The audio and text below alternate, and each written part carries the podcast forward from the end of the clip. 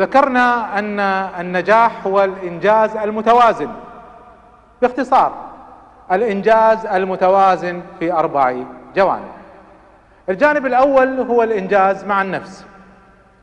خلال فترة الراحة جاءتني عدة أسئلة. وكثير من الأسئلة كان يركز على مبادئ رئيسية. واحد من الأسئلة اللي قدرتها حقيقة بشكل كبير سؤال ما اكتمل الحديث فيه لكن معناه صحيح وحب أكد عليه الآن. أنا ذكرت أن الإنسان يجب أن لا يقلد. فكأن البعض فهم أن لا يقلد أحدا. حتى النبي صلى الله عليه وسلم وحتى المصلحين. وأنا أظني ذكرت أن الذي أشرت إليه هو التقليد الأعمى. أما التقليد الواعي فهو المطلوب. القرآن الكريم يؤكد على هذه المسألة. إنا وجدنا آباءنا على أمة وإنا على آثارهم مقتدون. هذا أمر مرفوض. بغض النظر ما هو دين آبائك ما هو دين أمهاتك ما يهم. لابد عندما تتبنى مبدأ عقيدة دين سلوك أن تتبناه وأنت واعي لهذا التبني. صادق فيه عارف ما تريد. وإلا سيحدث كما رأينا في أمريكا لما عشناها طلبة أعداد كبيرة من الشباب كانوا يأتون من أسر متدينة جدا ومن بيئة محافظة جدا وأول ما ينزل أمريكا ما في أسبوع راح لماذا؟ لأن القضية ما كانت مبنية على وعي كانت مبنية على تقليد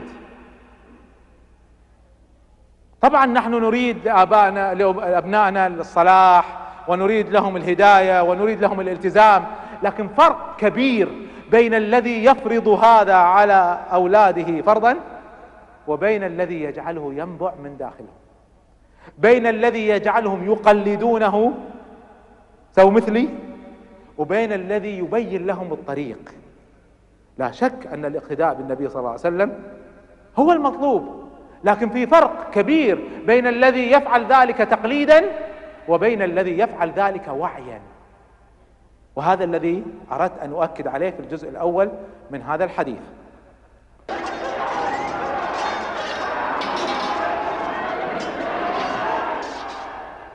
في ظل هذه الضجة والمعمعة هذه نحتاج نسوي شيئين نتعقل ونكون شجعان نتعقل ونكون شجعان. نتعقل.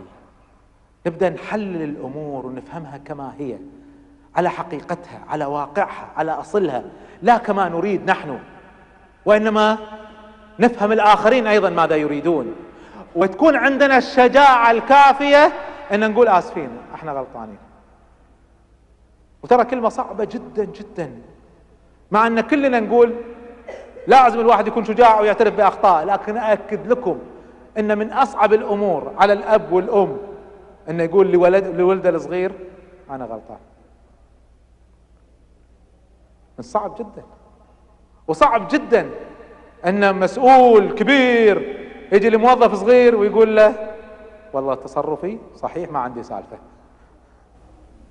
ترى صعبة جدا لا تخيلونها سهلة. لكن اللي يقدر يسويها عندها يقدر يمارس شيء غير عادي. عشان نقدر نسويها نحتاج استماع. نحتاج نسمع. نسمع كل شيء. نسمع الغث والسمين كما يقولون. ونحلل ونميز ونفهم. نميز ما بين الحقائق والمشاعر والآراء والأفكار. ونسمع. مثل ما سمع النبي صلى الله عليه وسلم لعتبة. وهو يعرض يعرض. ماذا تريد؟ تريد أن تكون ملك؟ ملكناك. تريد أن تكون أغنانا؟ جمعنا لك من الأموال. تريد أن النساء زوجناك. كلام تافه. يختلف تماما عن المهمة اللي جاء منها نجل الرسول صلى الله عليه وسلم. ما قاطعه. ما قال له لو سمحت كلامك مقطوع بخير. ما استعمل هالأسلوب. وما استعمل. أنا فاهم فاهم إيش تبي تقول؟ اسمح لي. وإنما استعمل أسلوب افرغت خلصت؟ اسمع مني.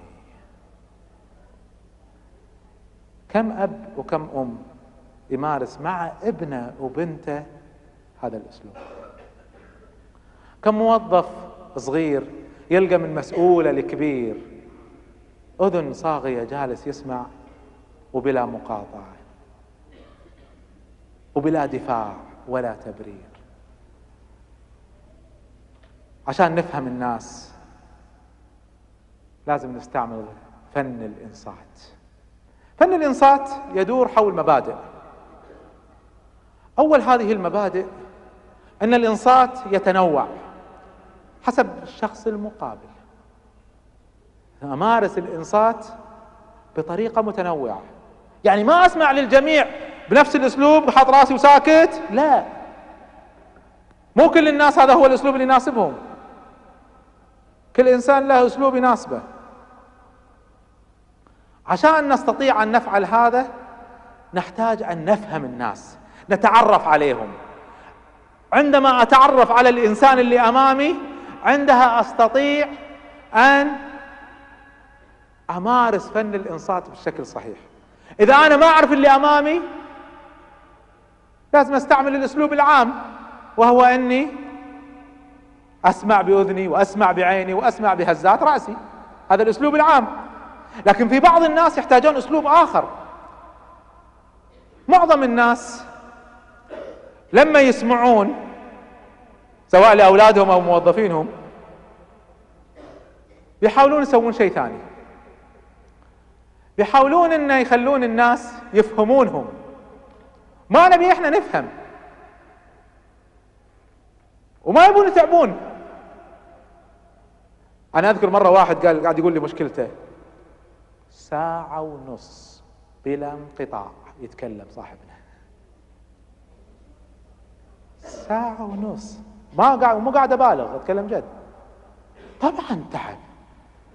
طبعا جهد. لكن هذا الجهد أهون من نتائج سوء الفهم.